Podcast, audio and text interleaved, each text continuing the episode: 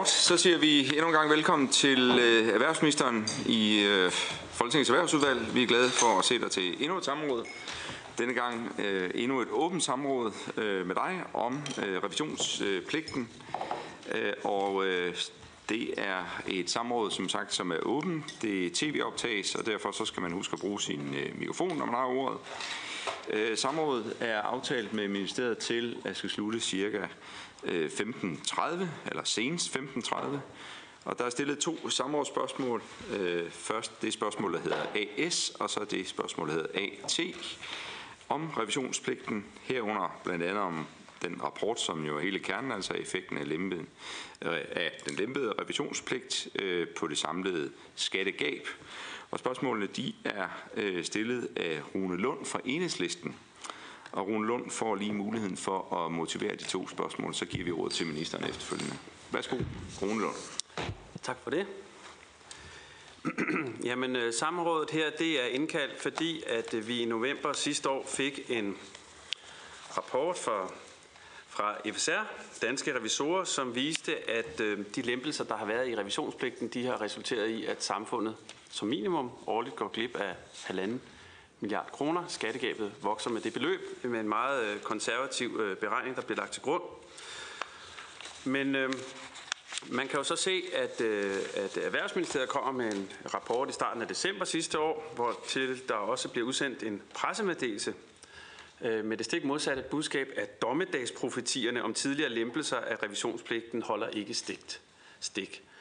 Og ministeren er ude at sige, at, øh, at øh, at det har ikke nogen øh, betydning øh, for øh, antallet af fejl i virksomhedernes øh, skatteindberetninger, at, øh, altså, om man har revision eller ej.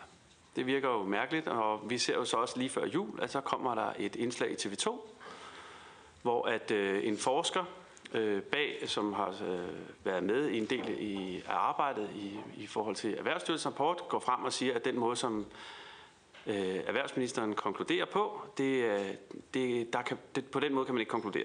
Det er simpelthen en forkert måde at konkludere på. Og derfor så bliver vi jo nødt til at lige at høre i dag, hvad øh, erhvervsministeren tænker. Altså om det var, når nu der er kommet kritik af, af den måde, som rapporten fra Erhvervsstyrelsen er blevet fremlagt på, om det er en rigtig kritik, og om det derfor var forkert at fremlægge øh, rapportens konklusioner, sådan som man gjorde øh, og i øvrigt, hvordan erhvervsministeren forholder sig til den kritik, som er blevet øh, fremført i, i den forbindelse.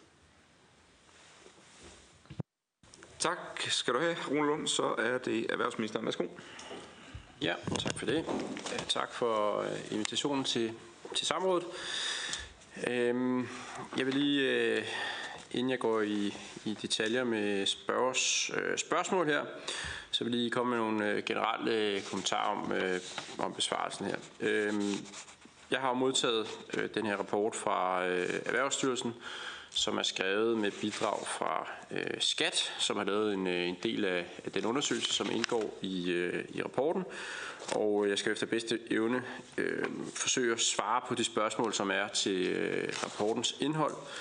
Øhm, jeg vil nok også med det samme lave den forventningsafstemning, men nok ikke sådan, øh, i forhold til detaljegraden af, hvad jeg er i stand til at svare på, nok ikke kommer helt op på det niveau, som vil komme på en teknisk gennemgang, øh, i og med at hvis vi skulle have nogle eksperter ind, der rigtig kan forklare, hvordan alle tallene er, er lavet. Øhm, så vil jeg meget gerne øh, stille det til rådighed for udvalget, hvis man er interesse i det øh, efterfølgende. Altså gerne tilbyde jer en, en øh, teknisk gennemgang i forhold til, til øh, at forstå alle tabeller og alle tal, der måtte være i øh, rapporten. Det er der nok nogle folk, der kan gøre bedre, end, end jeg kan. Men jeg vil selvfølgelig meget gerne øh, svare på, øh, hvordan rapporten er blevet taget ned, og også de tekniske spørgsmål, som jeg nu, øh, som jeg nu kan her i løbet af dag på, på, øh, på samrådet. Jeg vil gerne starte med at gøre op med nogle øh, misforståelser, som knytter sig til betydningen af de forskellige erklæringer, som en revisor kan afgive på et regnskab, og som er en af hovedårsagerne øh, til, at jeg øh, sidder her i dag i samrådet. I øh, meget af den presseomtale, som undersøgelsen har fået, øh, er der blevet sat lighedstegn mellem begrebet revisionspligt og det at have en revisor inde over en virksomheds regnskab. Og det giver også øh, intuitivt mening, mening men, øh, men begrebet revisionspligt øh, dækker kun over to af fire former for revisorerklæringer, som revisor kan afgive øh, på et årsregnskab nemlig øh, de to erklæringer, som hedder revision og udvidet gennemgang. Så når der tales om et revideret øh, regnskab, så omfatter det altså kun disse to typer af øh, revisorerklæringer erklæringer. Jeg tror, vi skulle have en øh, tabel med, som måske allerede er blevet omdelt, hvor I kan se de fire typer af øh, erklæringer, øh, som en, en revisor kan afgive på et, øh, et, et, et regnskab. Og det er, ret, det er ret vigtigt, at man har det for øje, også når man læser øh, tabellerne og øh, i det hele taget øh, rapporten. Øhm, så som sagt, altså begrebet revisionspligt øh, dækker i, i rapporten her altså kun over øh, de to typer, revision og udvidet øh, gennemgang. Så når der nogle steder henvises til, til revisionspligt i rapporten, og hvilken betydning det har, jamen så er det øh, som regel i forhold til andre typer af øh, revisorerklæringer. Øhm, ja. Så grundlæggende så øh, i, øh, i, øh, i rapporten her, så opereres der i virkeligheden med tre grupper af selskaber øh, selskaber, der har et revideret årsregnskab, som omfatter de to revisionspligtserklæringer, revision og udvidet gennemgang. Så er der selskaber, der har andre revisorerklæringer, det vil sige et review og assistance. Og så er der selskaber helt uden erklæring fra en, en øh, godkendt revisor. Undersøgelsen viser så helt overordnet, at det afgørende øh, er inddragelse af revisor, ikke så meget typen af revisorerklæring, når det handler om regnskabskvalitet. Øh, Derimod er der ikke stor forskel på regnskabskvaliteten af regnskaber med fuld revisionserklæring øh, i forhold til billigere erklæringer som øh, assistance. Undersøgelsen konkluderer, at selskaber med revideret årsregnskab, det vil sige revision eller udvidet gennemgang, har færre fejl i deres momsangivelser, mens der ikke er øh, signifikant forskel på antallet af fejl i skatteangivelserne for henholdsvis revideret og ikke revideret selskaber. Undersøgelsen viser også, at muligheden for at fravælge revision har givet virksomhederne en direkte besparelse på revisorhonorar, som estimeres i 2017 til omkring 1,6 milliarder kroner.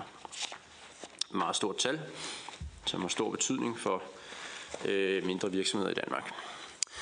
Undersøgelsen er lavet, fordi revisionspligten siden 2006 er blevet lempet af flere omgange med det formål at lette administrative byrder for mindre virksomheder. Lempelserne har afstedkommet en diskussion om, hvorvidt pligten til revision har ramt den rette balance mellem byrdelettelser på den ene side og gennemsigtighed og kontrol på den anden side.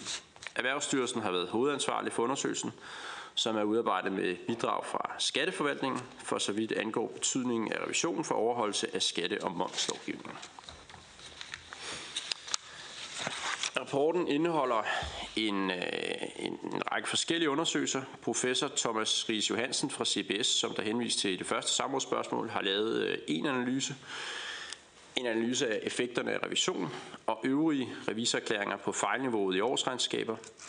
Øh, og det er ikke hans egen analyse, Thomas Riese kritiserer i den artikel, der henvises til i spørgsmålet. Øh, og Erhvervsstyrelsen har oplyst, at Thomas Riese selvfølgelig står fuldt inden for den analyse, han selv har leveret til undersøgelsen. Øh, Thomas Riese har derudover deltaget i undersøgelsens følgegruppe, og det er i sin egenskab af medlem af følgegruppen, at Thomas Riese har rejst kritik af metoden i skatteforvaltningens analyse. Professor Thomas Riese har altså ikke været ansvarlig for skatteforvaltningens del af undersøgelsen, men han har, han har haft lejlighed til at kommentere på skatteforvaltningens analyse gennem hans deltagelse i øh, følgegruppen.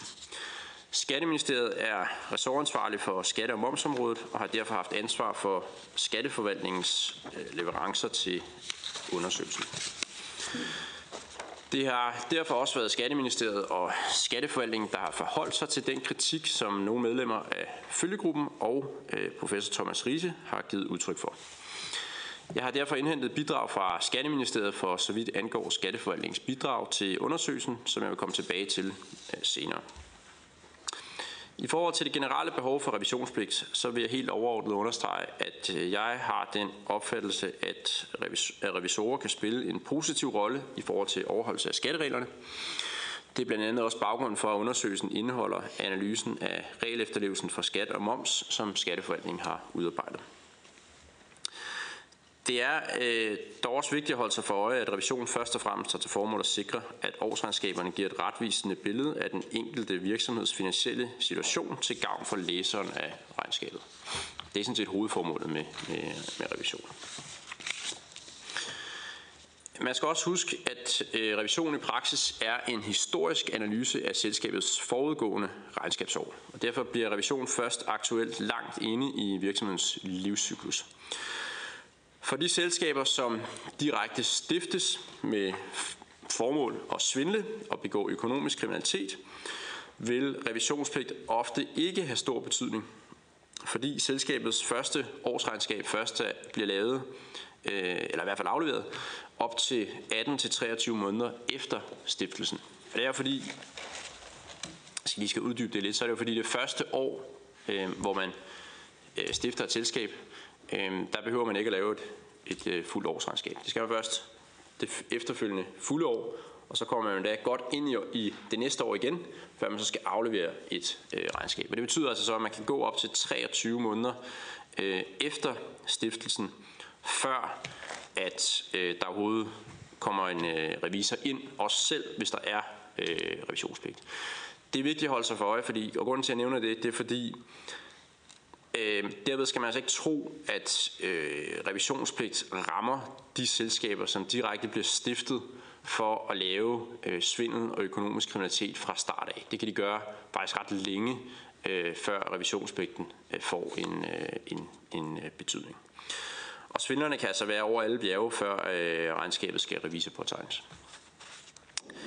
Ifølge undersøgelsen her, så benytter 84% af alle selskaber i regnskabsklasse B en af de fire revisorerklæringstyper, selvom langt størstedelen er undtaget revisionspligt. Og det indikerer, at langt de fleste selskaber ønsker bistand fra en revisor, selvom de ikke skal, og at revisorerne har et relevant produkt at sælge til virksomhederne, uanset om der er lovkrav om revision eller ej. I forhold til de spørgsmål, der er stillet, så ligger en stor del inden for Skatteministeriets ressort, og derfor har jeg, som jeg sagde før, indhentet bidrag fra Skatteministeren i forhold til spørgsmålene på skatte- og momsområdet. Og jeg vil gå til øh, Skatteministerens bidrag til besvarelsen af samrådsspørgsmål AS, der handler om, hvorfor undersøgelsen konkluderer, at det ikke gør nogen forskel på en virksomheds skattebetaling, om virksomheden bliver kontrolleret af en revisor eller ej. Og det er altså vel at mærke øh, spørgerens øh, formulering, og ikke, som jeg kan se det i hvert fald, en formulering, der er hentet direkte ud fra øh, undersøgelsen. Øhm, essensen er øh, grundlæggende, at skatteforvaltningen er uenig i den kritik, øh, der er kommet fra øh, professor Thomas Riese. Og jeg kan læse op for det svar her, som jeg har fået fra øh, Skatteministeriet, som lyder følgende. Øh, Skatteforvaltningens undersøgelse er foretaget ved at kontrollere skatte- og momsangivelserne for mere end 1400 tilfældigt udvalgte selskaber, der har mulighed for at fravælge øh, revision. Undersøgelsen baserer sig dermed på en konkret gennemgang af virksomheders skatte- og momsangivelser, i modsætning til andre undersøgelser, hvor der foretages statistisk analyse på baggrund af overordnede statistikker. Undersøgelsen giver et indblik i regelefterlevelsen i moms- og skatteangivelsen for selskaber med og uden revision. Specifikt måles regelefterlevelsen i forhold til fejlprocent, antal bevidste fejl og gennemsnitlig skatte- og momsgab. I undersøgelsen beskrives således alene regelefterlevelsen for selskaber henholdsvis med og uden revision, og ikke årsagerne til forskellen. Undersøgelsen konkluderer på det foreliggende grundlag, at regelefterlevelsen hos selskaber med og uden revision er forholdsvis ens på flere parametre. Undersøgelsen konkluderer også, at selskaber med revideret årsregnskab har signifikant færre fejl i momsindberetninger end selskaber uden revideret årsregnskab, og at andelen af bevidste fejl ligeledes er lavere blandt selskaber med revideret årsregnskab. Skatteministeren har også sendt sit bidrag til besvarelse af samrådsspørgsmål AT, hvor jeg blev bedt om at kommentere konklusionerne i den rapport fra 9. november 2018 om effekten af lempet revisionspligt på det samlede skattegab, som Copenhagen Economics har udarbejdet på bestilling fra øh, FSR, Danske Revisorer. At rapporten konkluderer, at skattegabet er øget med 1,5 milliarder kroner, som følger lempelser af revisionspligten. Skatteministeriet har oplyst følgende. FSR, Danske Revisorer, har fået Copenhagen Economics til at udarbejde analysen effekten af lempet revisionspligt på det samlede skattegab. Analysens hovedkonklusion er, at lempelserne af revisionspligten i 2006 og 2011 har medført et skattegab på 1,5 milliarder kroner i selskabsskat, moms og A-skat. Analysen er foretaget ved at holde skattebetalingen for hele gruppen af selskaber, som fik mulighed for at fravælge revision som følge af lempelsen i 2011, op mod skattebetalingen for en kontrolgruppe. Analysen er ikke foretaget på baggrund af selskabernes faktiske skattebetaling, men der er anvendt et skøn på baggrund af selskabs, skattesats og regnskabsoplysninger om resultat efter skat. På baggrund af en lavere skønnet skattebetaling hos gruppen af selskaber, som fik mulighed for at fravælge revisionen i 2011, konkluderer analysen, at lempelserne er årsag til skattegab på 1,5 milliarder kroner. Forskellige metoder har forskellige styrker og svagheder, hvor Skatteforvaltningens undersøgelse baserer sig på kontroller af tilfældigt udvalgte selskaber, er FSR's analyse baseret på overordnede statistikker om virksomhederne. Det betyder blandt andet, at FSR's analyse ikke har mulighed for at opgøre fejlprocent og andelen af bevidste fejl. Derudover er det værd at bemærke, at FSR's analyse ikke forholder sig til, hvorvidt virksomheder, der kan fravælge revision, faktisk har fravalgt revision. Og derfor må man tage visse forbehold i forhold til udtalelser om, hvorvidt en forskel i skattebetalingen for de to undersøgte grupper skyldes manglende revision. Skatteforvaltningens undersøgelse indeholder en sammenligning af regelefterlevelsen hos selskaber henholdsvis med og uden revision. I undersøgelsen beskrives som tidligere nævnt alene forskelle i regelefterlevelsen for selskaber henholdsvis med og uden revision, og ikke årsagerne til forskellene. Skatteforvaltningens undersøgelse har i modsætning til FSR's analyse ikke udregnet et samlet skattegab. Skatteforvaltningens bidrag har undersøgt, hvordan regelefterlevelsen er for selskaber med og uden revision. Grupperne af selskaber med og uden revision er af forskellig størrelse og ændrer sig løbende, og derfor vil det ikke være muligt at vurdere, om en forskel i et samlet skatteskab mellem selskaber med og uden revision eller over tid er udtryk for revisionens betydning eller en forskel i antallet af selskaber, der til eller fravælger revision. Ved i, stedet, at fokusere på et gennemsnitligt skatte- og momskab, kommer man ud over denne udfordring. FSR's analyse benytter en anden metode og har et andet fokus end Skatteforvaltningens bidrag til Erhvervsstyrelsens undersøgelse af revisionspligten. Derfor ser Skatteministeriet analysen som et bidrag i forhold til at skabe et solidt fagligt grundlag for en politisk drøftelse af revisionspligten.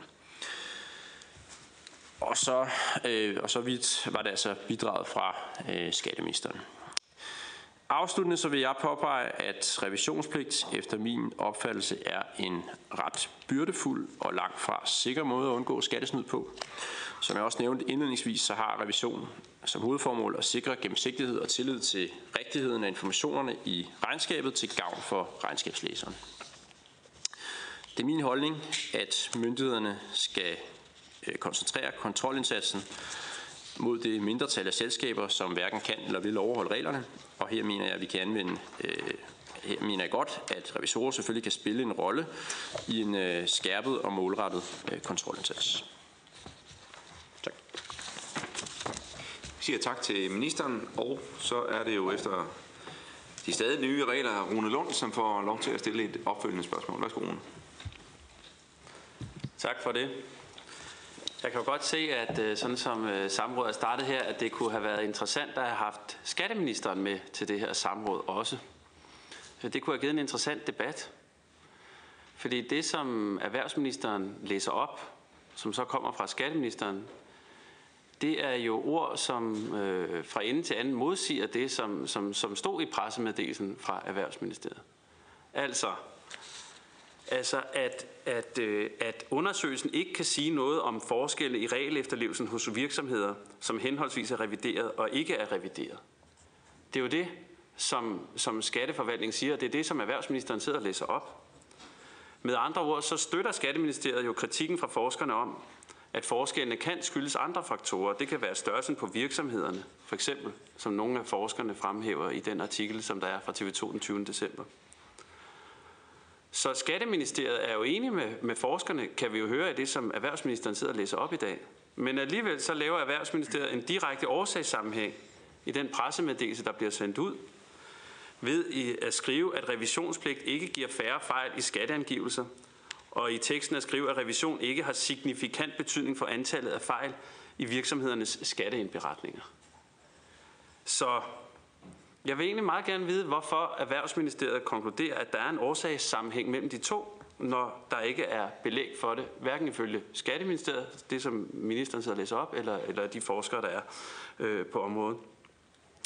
Øh, det vil egentlig være mit første spørgsmål. Ministeren, værsgo.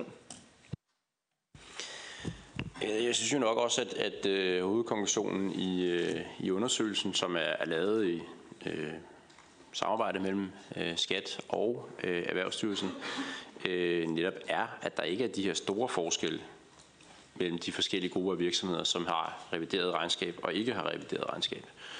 Øhm, og når man så ikke kan, kan konstatere store forskelle, jamen så betyder det så, så synes jeg egentlig, det er meget på linje med det, som, som, øh, som skatteforvaltningen også har øh, svaret i sin besvarelse. Så jeg kan ikke umiddelbart få øje på den der store forskel, der skulle være. Øh, det vil også være underligt i og med, at det er en, øh, en fælles undersøgelse, som er, er, er lavet af både af Erhvervsstyrelsen og af, af Skat. Ja, Rune Lund, værsgo. Jamen, øh, men det, som, som Skattestyrelsen siger, og det, som ministeren læser op, det er jo, at man ikke kan sige noget om, øh, øh, altså, at man ikke kan konkludere sådan, som erhvervsministeren gør i sin pressemeddelelse. Det er jo det, erhvervsministeren lige har siddet og læst op. Og så derfor så spørger jeg så, hvordan kan det så være, at erhvervsministeren konkluderer, at, at der er den sammenhæng, at, at, at, det har været nogle dommedagsprofetier, når man siger, at lempelser af, af, af revisionspligten skulle have ført til, til flere fejl i, i, i skatteindberetningen. Og det er jo øhm, de ting, som der, der, der bliver læst op, det er jo blandt andet, at, at øh, at undersøgelsen giver et indblik i regelefterlevelsen for selskaber med og uden revision. I undersøgelsen beskrives således alene regelefterlevelsen for selskaber henholdsvis med og uden revision, og ikke årsagerne til forskellene.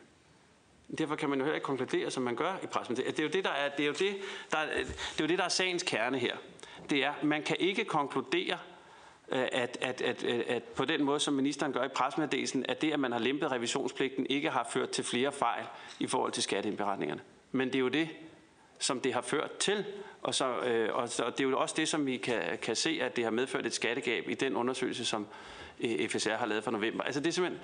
Det, det, er en lidt sjov situation, at ministeren læser noget op for, for skatteministeren, som sådan set direkte øh, modsiger det, ministeren selv siger og siger her på samrådet. Det er jo det, er jo det der er øh, lidt komisk ved det her samråd lige nu. Er det ministeren, værsgo. Ja, ja, jeg, jeg synes, at øh, hr. Rune Lund øh, rodet lidt rundt i konklusionerne. Altså skatteforvaltningen konkluderer, man kan ikke konkludere øh, årsagerne til, at der ikke er store forskelle mellem de grupper, som har revideret regnskab, og de grupper, som ikke har revideret regnskab. Jeg konkluderer også, at man ikke kan konkludere, at det er på grund af lempelsen af revisionspligten, at der ikke er, at, øh, at, øh, eller at lempelsen af revisionspligten skulle have medført store forskelle og et kæmpestort skattegab. Jeg synes sådan set, at de to konklusioner sådan er rimelig ens.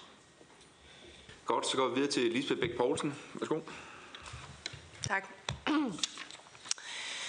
øhm, jeg vil gerne høre øh, ministerens holdning til, til den compliance-undersøgelse, som, som Skat jo øh, udarbejder, og øh, som viser nogle øh, altså ret forfærdelige tal i forhold til både, øh, hvad skal man sige, fejl, som kan være ubevidste, og, og, og, men også de fejl, der, der, øh, der helt bevidst tyder på, øh, på snyd og, og svindel.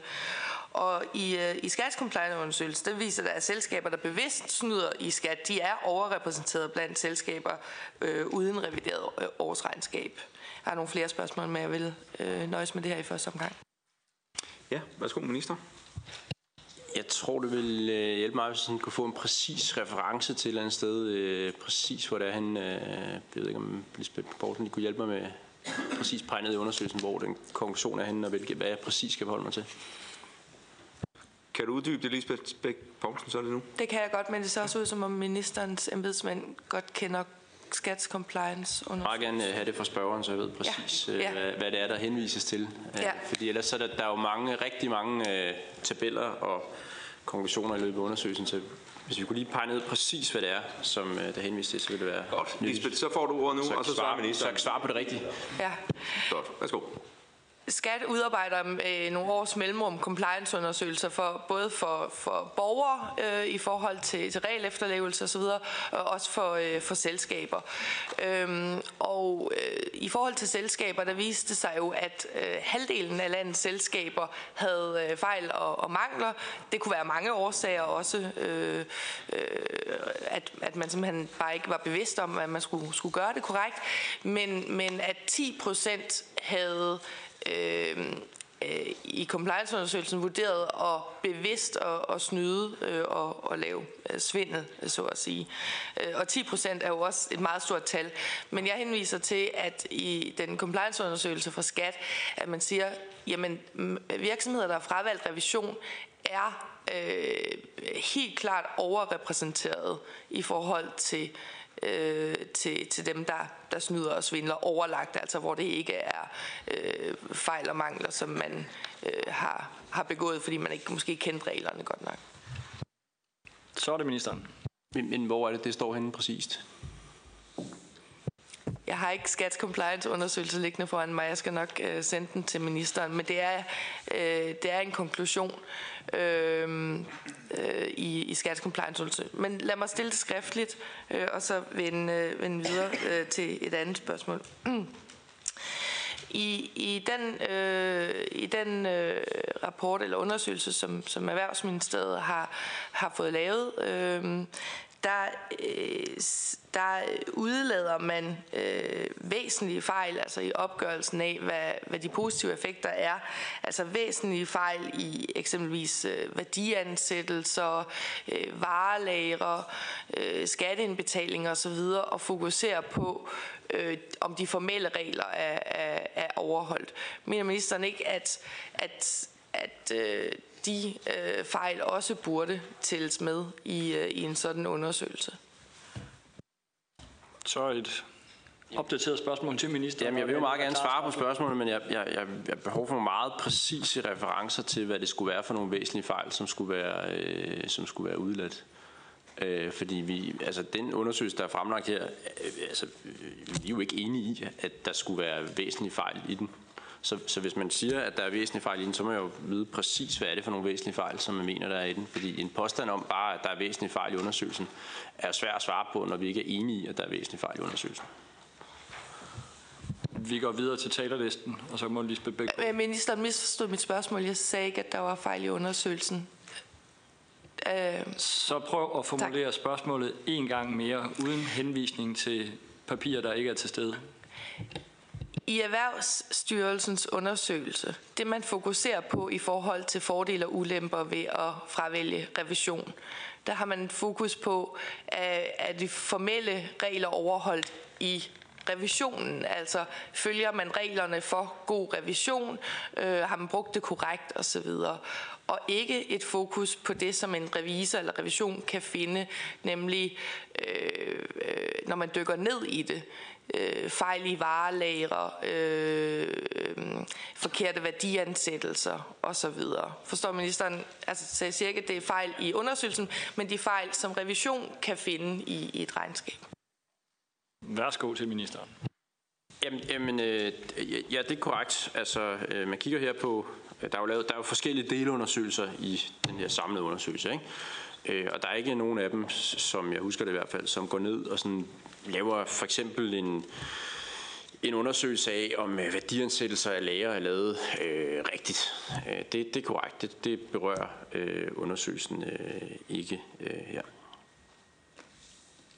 Tak til ministeren. Næste spørger det er Dennis Flytkær fra Dansk Folkeparti. Tak for det. Øh, I rapporten, som øh, vi diskuterer her i dag, der står der på side 7 øh, nogle dots omkring hovedkonklusioner i rapporten, hvor Nummer 2 lyder, selskaberne revideret årsregnskab har signifikant færre fejl i momsangivelser, mens der ikke umiddelbart er signifikant forskel på fejl i skatteangivelser. Altså rapporten konkluderer, at der ikke er flere fejl i skatteangivelser, og det er også det, som ministeren har tidligere udtrykt i en pressemeddelelse. Men samrådet handler jo om, at der så har været fire eksperter, hvor en af dem faktisk har været inde over rapporten, som har udtrykt kritik og siger, det kan man slet ikke konkludere. Øhm, erhvervsministeren siger også selv i sin, sin øh, samrådstale i dag, at, at, at, at det kan man ikke konkludere. Og så undrer mig, hvorfor det både står i rapporten og sin presmeddelelse, men i samrådet i dag siger ministeren selv, at, at det kan man faktisk ikke konkludere ud af det her. Og det, det som måske i hvert fald gør mig lidt forvirret er, øh, hvorfor man egentlig ikke har undersøgt det i undersøgelsen. Fordi det er jo noget af det, som er hele, hele diskussionen omkring at lempe revisionspligten, er jo på den ene side, at hvad byrder pålægger man erhvervslivet i forhold til, hvad kontrolmuligheden har som skat, fordi det trods alt er et godt redskab, hvor skatter kan, kan bruge reviserne som forlænget arm, altså underliggende, hvad er det administrative omkostning for virksomhederne, og hvad er skattegabet. Og der har vi fået den her rapport fra FSR, som så lavede den øh, sideløbende, måske fordi de fandt ud af, at det ikke var en del af den her rapport, at det gav et nyt skattegab på 1,5 milliarder. Det kan man så diskutere, om det er et rigtigt beløb, men, men jeg undrer mig, hvorfor man ikke har undersøgt det i, i ministeriets egen undersøgelse. Hvad konsekvensen var for, for skattegabet, fordi når man ikke kan konkludere det ud fra den her undersøgelse, og man så gør det lidt alligevel, det giver jo lidt forvirring, men, men burde man ikke have undersøgt det nærmere, hvad konsekvensen egentlig har været? For det er jo den balance, vi skal finde her i Folketinget, hvor det selvfølgelig ikke er meningen, at vi skal lægge øh, uendelige mængder af, af byrder på erhvervslivet. Omvendt skal det heller ikke være så lempeligt, at der bliver ulige konkurrence, fordi man i stor grad kan, kan snyde. Og den balance skal vi jo selvfølgelig finde også efterfølgende i, i forhandlinger, men når man ikke kan konkludere ud fra den her rapport, hvor meget kan vi så egentlig bruge det til?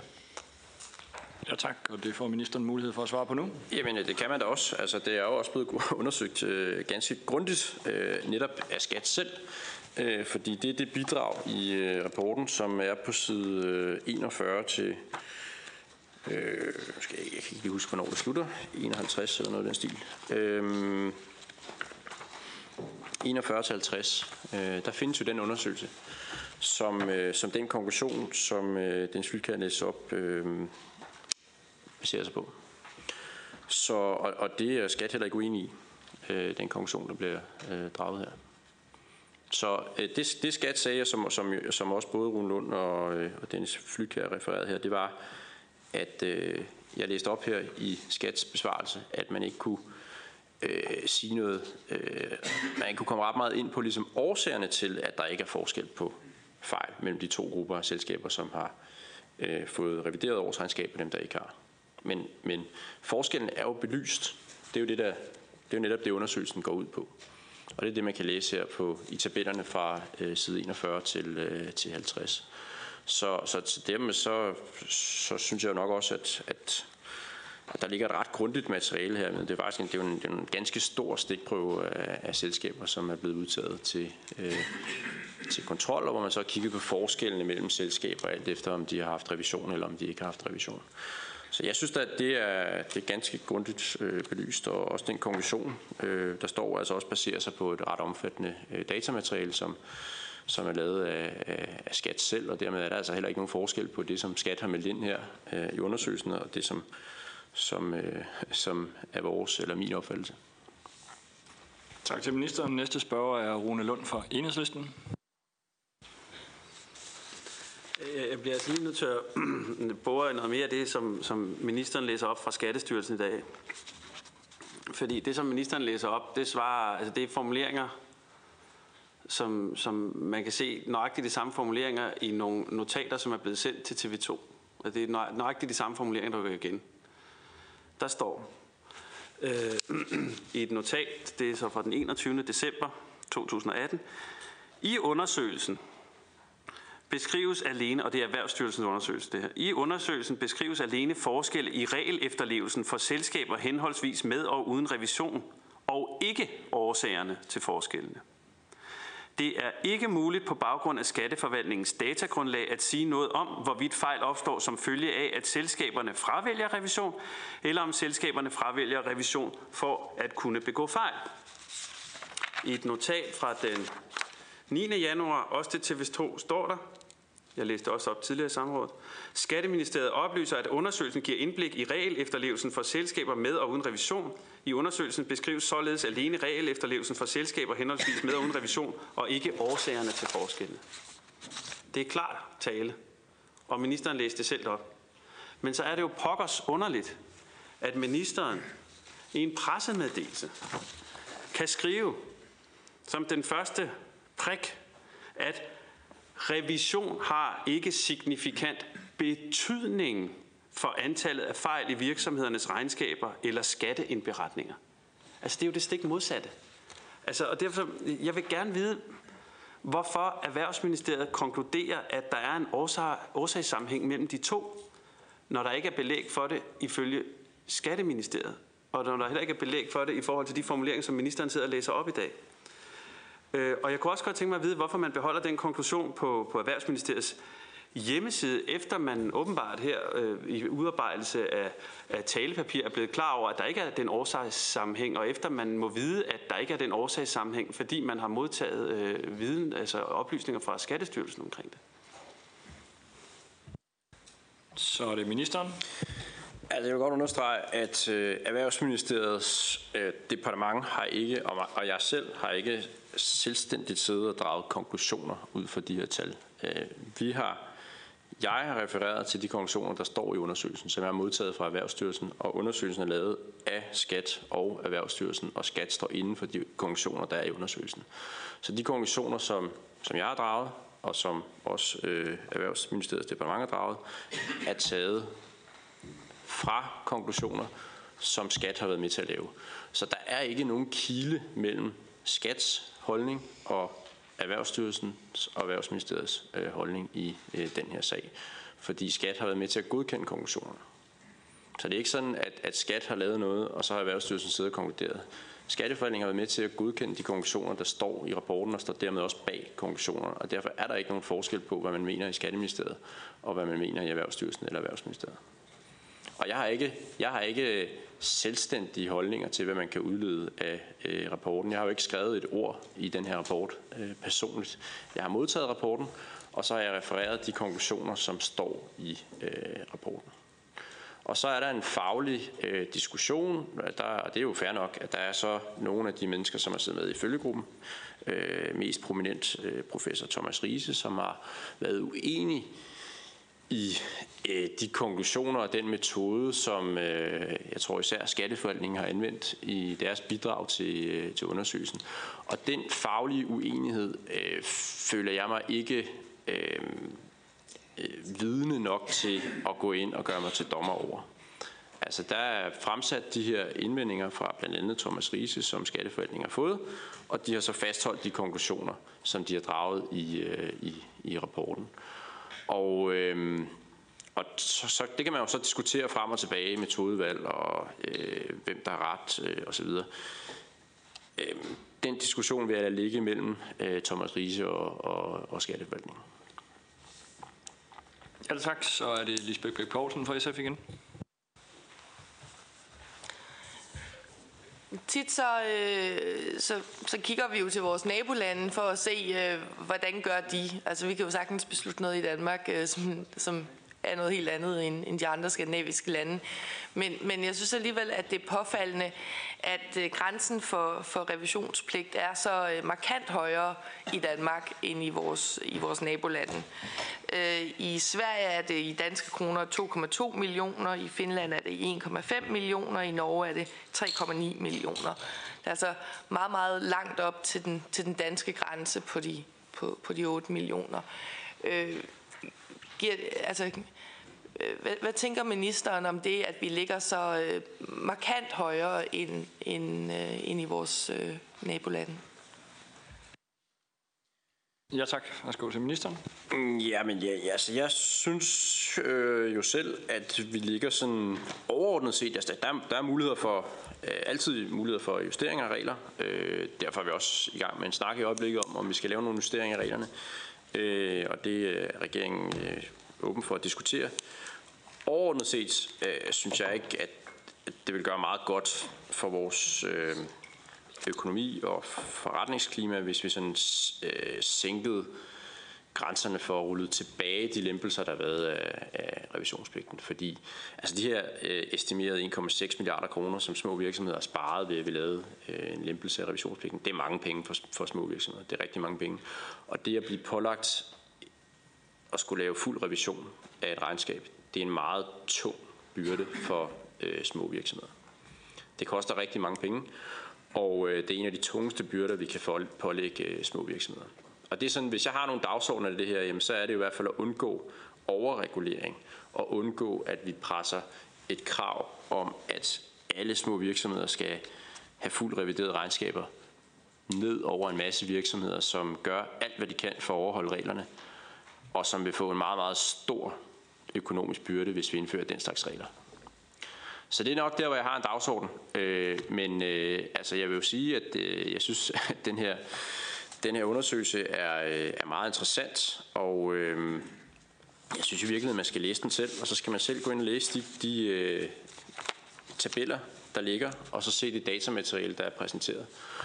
Og så kan man jo se, øh, hvilke forskelle der er på selskaber, som har revideret regnskaber, og selskaber, der ikke har revideret regnskaber. Og så kan man se, om man synes, de forskelle, der er, så berettiger, at vi skal indføre øh, ekstra øh, revisionspligt. Hele øh, ikke hele datasættet, men, men øh, altså de aggregerede resultater af, af de undersøgelser, som er lavet øh, af blandt andet skatteforvaltningen her, de ligger jo øh, lige tilgængeligt her, og jeg synes jo især, at de her undersøgelser fra side 41 til 50 øh, viser et meget stort datasæt af selskaber, hvor man virkelig, virkelig kan gå ind og se, hvor stor forskel eller, eller lille forskel der er mellem selskaber, som har revision og selskaber, der ikke har revision.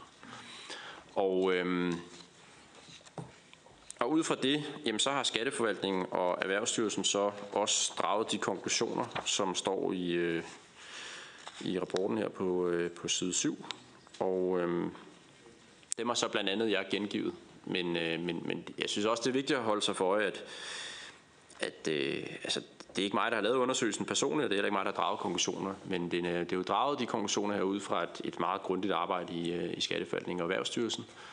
Der er en faglig uenighed. Der er nogen, der, der synes, at, at, at de er uenige i det metodevalg, som øh, først og fremmest Skatteforvaltningen har lavet. Og det er, helt, det er jo helt fint, at der er en, en, en faglig diskussion om det. Jeg har ikke nogen grund til at antage, at øh, Skatteforvaltningen og Erhvervsstyrelsen skulle have noget som helst ønske om andet end at præsentere øh, data korrekt.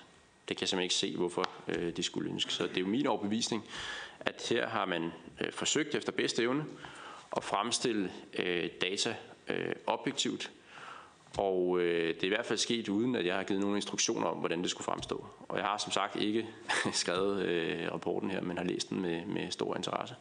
Og synes også, den er vigtig, fordi den giver relevante input i, øh, i diskussionen om, hvor meget øh, revisionspligt vi skal have for mindre virksomheder. Ja tak. Så er det Rune Lund. Altså lidt, det er lidt spøjs samråd, det er ikke? Fordi at, øh, at ministeren læser op, hvad Skattestyrelsen skriver, øh, og siger, som er det stik modsatte af, hvad, hvad der står i presmeddelelsen. Altså, det, det, det, det, er, det, er, det, er, det er absurd. Altså, selvfølgelig jeg er sikker på, at Skatteforvaltningen øh, står inden for sin, sit bidrag til undersøgelsen. Men, men det der, sit eget bidrag, men med det, der bliver læst op her i dag, altså, så, så, er, så, så, så, kan, så kan Skattestyrelsen umuligt være enig i den konklusion, som der er i pressemeddelelsen fra, fra erhvervsministeren. Er det vir- bare lige for at slå det fast. Mener ministeren virkelig, at, at Skatteministeriet skulle være enige i, at Revision har ikke signifikant betydning for antallet af fejl i virksomhedernes regnskaber eller skatteindberetninger. Er det virkelig rigtigt? Er det skatteministeriets holdning, at revision har ikke signifikant betydning for antallet af fejl i virksomheder og skatte, øh, virksomhedernes regnskaber eller skatteindberetninger? Fordi alt hvad de siger, det er jo, at det kan man ikke konkludere på baggrund af den undersøgelse. Så det, det er den eneste. Øhm, og så vil jeg gerne følge op på et spørgsmål, som, som Dennis Flytkær stillede. Altså det der med, at, at, at man fra Erhvervsstyrelsens side, Erhvervsministeriets side, altså vælger at lave en undersøgelse, som som ikke konkluderer noget om sammenhængen mellem revision og skat.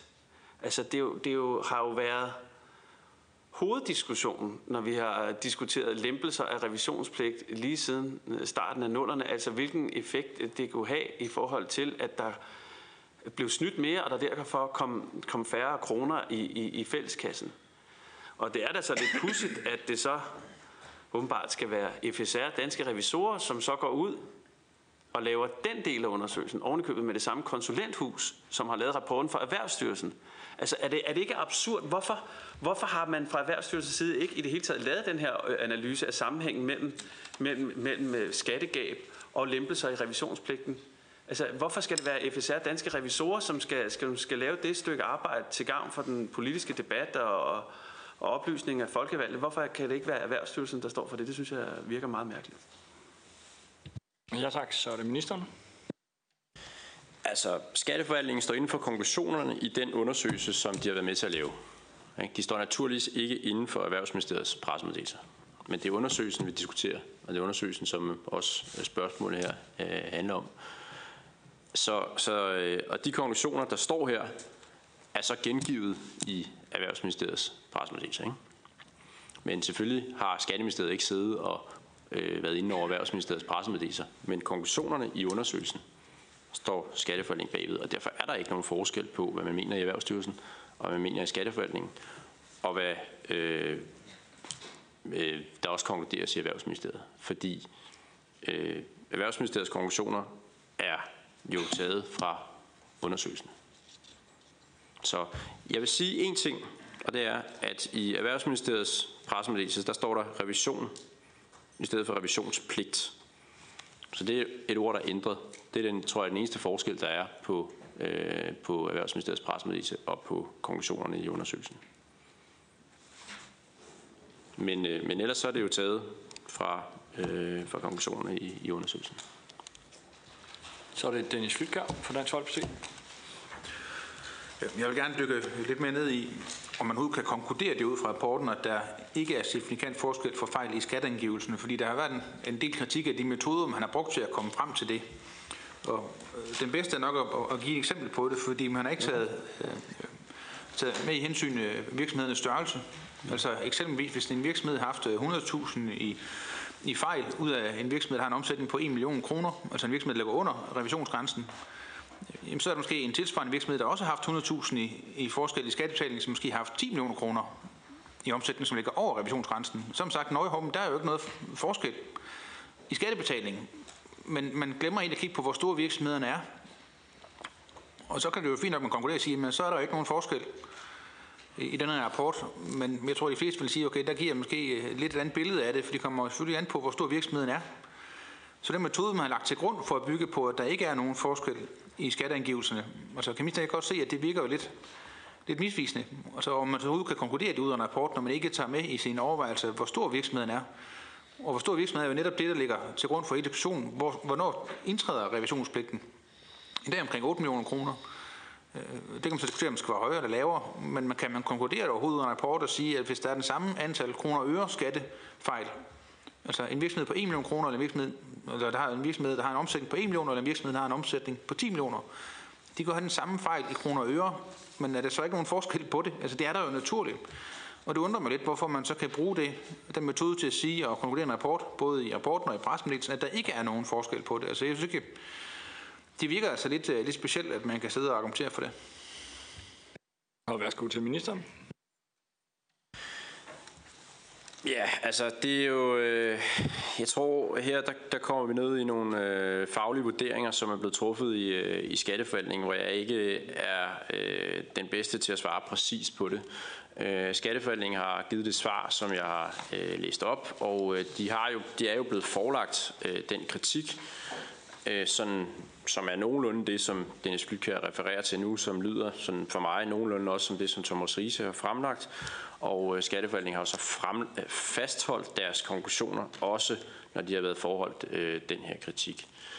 Så det er nok, hvad jeg kan sige om det, fordi jeg tror, hvis jeg skal til at, øh, at lave vurderinger af statistiske metoder i meget omfattende undersøgelser her, så, øh, så tror jeg, jeg kommer til at, at bevæge mig ud i noget, hvor at, øh, at det er bedre at få folk, der har meget forstand på det, til at, at lave de vurderinger.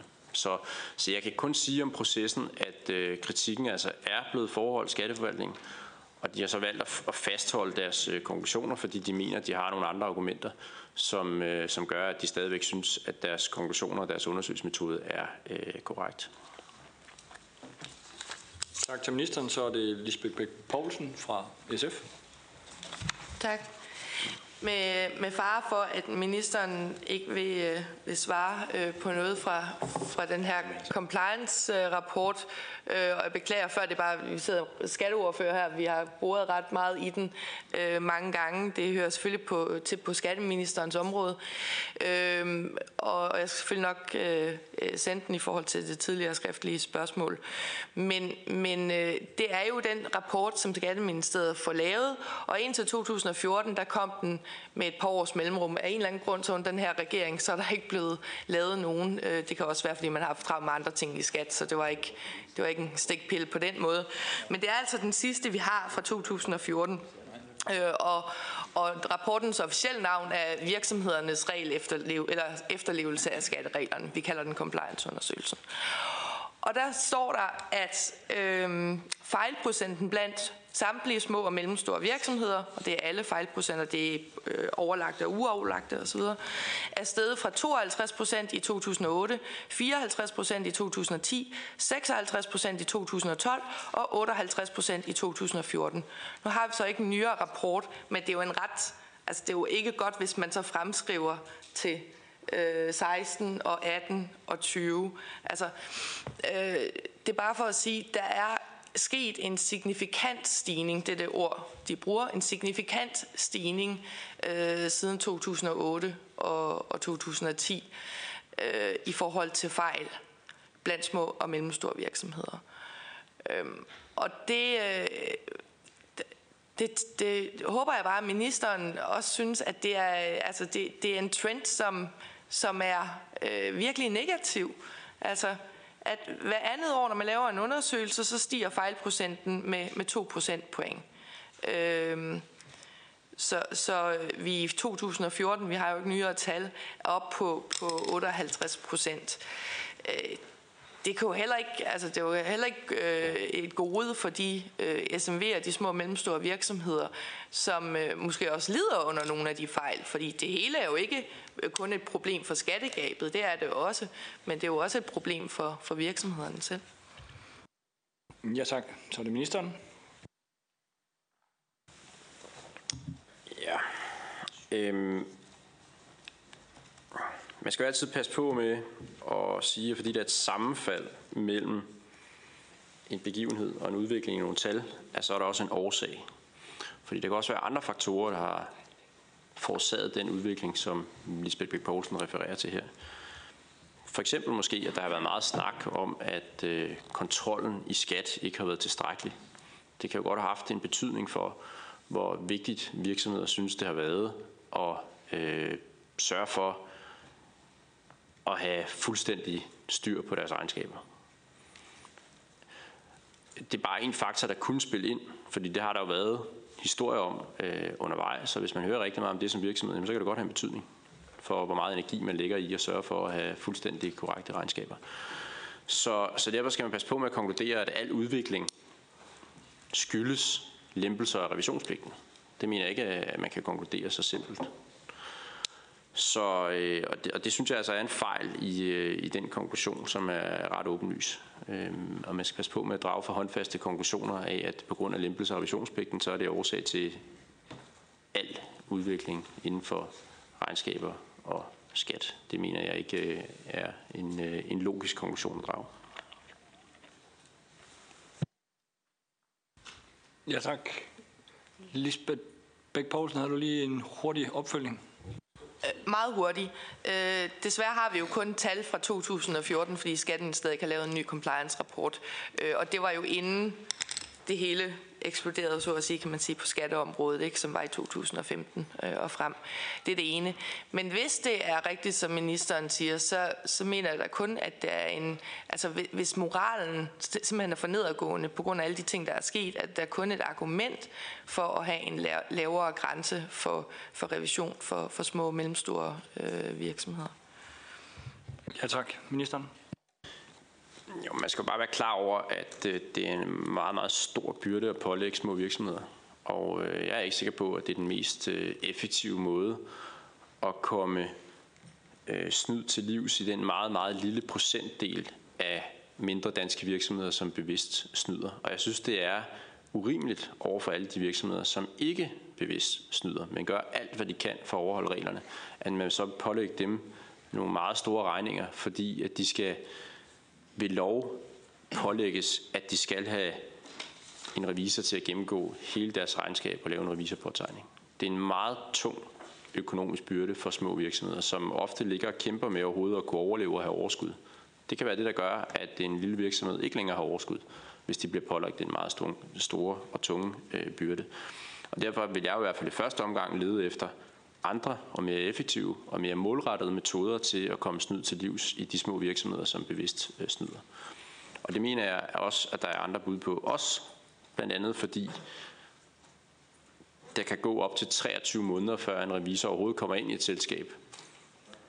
Og der er det altså ikke den mest effektive måde at lade et selskab køre i 23 måneder, hvis selskaber bliver oprettet bevidst for at lave snyd og svindel. Så kan svindlerne være over alle bjerge, inden der overhovedet kommer en revisor ind, hvis vi pålægger dem en, en revisionspligt. Og derfor synes jeg ikke, det er den rigtige metode at sige, jamen så skal vi skrue revisionspligten tilbage og pålægge samtlige små virksomheder, at de skal betale den store pris, der er ved at få fuld revision af deres regnskaber. Ja, tak. Og den sidste, det er Rune Lund som fra Enhedslisten, som også var indkalder til samrådet, så øh, også med mulighed for ligesom at runde af, inden ministeren svarer til sidst. Værsgo, Rune Lund, Enhedslisten. Nu bliver nødt til at gøre det med to spørgsmål. Øhm, fordi revision skal selvfølgelig laves på en øh, klog måde, øh, men øh, ikke på en øh, måde, hvor man lemper så, så pengene får sig ud af, af statskassen, som, som vi har set. Øh. Men jeg har to spørgsmål. Øh, øh, det ene spørgsmål, det er et, som jeg har stillet to gange før, men så håber jeg, kan få svar på tredje gang. Det er, hvordan kan det være, at man i Erhvervsstyrelsen overhovedet vælger at lave en undersøgelse, som ikke kan konkludere noget om sammenhæng mellem revision og skat?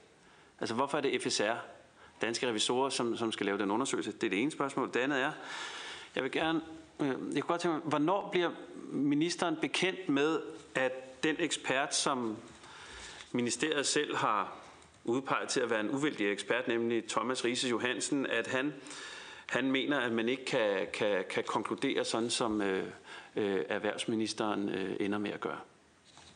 Så hvornår er, minister, hvornår, hvornår er ministeren første gang hørt om, om den her kritik i virkeligheden for Thomas Riese Johansen, men også øh, eventuelt øh, for andre involveret i processen. Jeg vil bede Rune Lund om at stille begge spørgsmål. Vi er på bagkant af den tid, der er sat af til samrådet, så hvis du ønsker at stille begge spørgsmål. Det er fint. Okay, jamen så hvis ministeren har tiden, så svarer ministeren, og så er der en sidste runde inden for tiden. Jeg svarer altid gerne gode spørgsmål. Øh, skal, skal der ikke være tvivl om. Øh, Altså, jeg synes jo også, det er interessant at have en undersøgelse, som viser, at der måske ikke er nogen sammenhæng mellem øh, revisionspligt og skat. Det er jo også et interessant resultat. Så derfor synes jeg da ikke, at det er ligegyldigt at få det resultat frem. Og derfor kan jeg ikke, jeg kan ikke helt forstå kritikken af her, at når man laver en undersøgelse, som så viser, at der er ikke den der klare sammenhæng mellem revisionspligt og øh, skattegab, som nogen måske havde forventet eller påstået, så er det da også et, et interessant resultat. Det kan godt være, at det ikke passer ned i, i Rune Lunds dagsorden, men, men det er da også et relevant resultat at få frem. Øhm, og så i forhold til, hvornår blev jeg bekendt med den kritik, som øh, blev rejst af øh, Thomas Riese, der har jeg så... Øh, jeg husker, at jeg tror jeg i går har godkendt et svar til Folketinget på det samme spørgsmål. Øhm, og jeg kan ikke i hovedet lige datoen for, hvornår jeg blev bekendt med kritikken, men jeg kan i hvert fald sige, at jeg vil ikke forelagt kritikken da jeg fik rapporten. At jeg har bare fået det færdige resultat. Og den øh, diskussion, der har været øh, fagligt mellem forskellige synspunkter for inden, er ikke noget, som jeg kommer ind i øh, som minister. Og det vil være meget øh, omfattende. Øh, altså, jeg får måske 1000 sider tekst om ugen. Sådan, det, det løst estimat, ikke? Men, men det, det er sådan i det lav. Øh, og hvis jeg så skulle sidde i alle de rapporter og notater, som jeg får, og så også høre argumenter for og imod, og hvorfor den er landet og var blevet lavet, som den nu er gjort, fra alle de enheder, der ligger i Erhvervsministeriet og, og dets 3.000 ansatte, så, så, så øh, vil det være umuligt. Så, så derfor så får jeg altså det færdige resultat. Og øh, som jeg også sagt tidligere, det er ikke mig, der har skrevet det. Jeg har modtaget rapporten. Jeg har taget for gode varer, hvad der står i rapporten.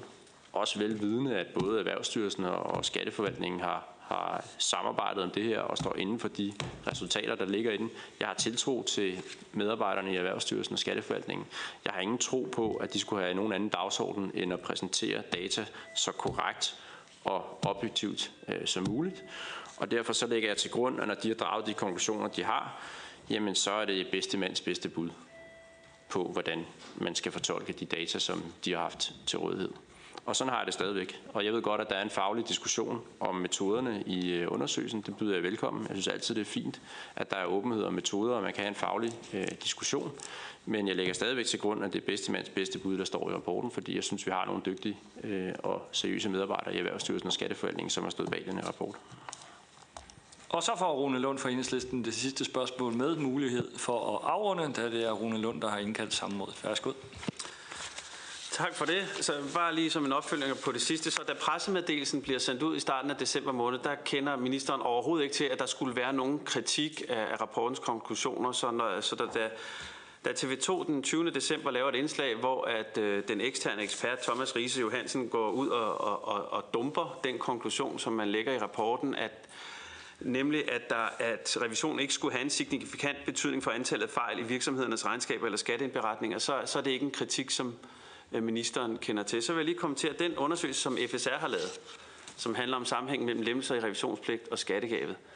Der bliver der jo dokumenteret med, øh, jeg vil kalde det state of the art øh, metodeafsnit med korrelationsanalyser og, og altså det er, det, er virk, det er sjældent, man ser sådan noget, at, at der er en, en, en sammenhæng mellem, at, at der har været lempelser i revisionspligten, og øh, at lempelserne i revisionspligten har haft negativ betydning i forhold til, at skattegabet er vokset. Så, så det, så det, så, så, men den undersøgelse ville Erhvervsstyrelsen jo ikke lave, og det var derfor, jeg, jeg undrer mig over, hvorfor vil man ikke det? Hvorfor skal det være FSR, øh, som laver den undersøgelse? Men øh, det første spørgsmål, var det virkelig sådan, at ministeren ikke kendte til kritikken fra Thomas Riese Johansen og eller andre, da pressemeddelelsen bliver sendt ud i starten af december?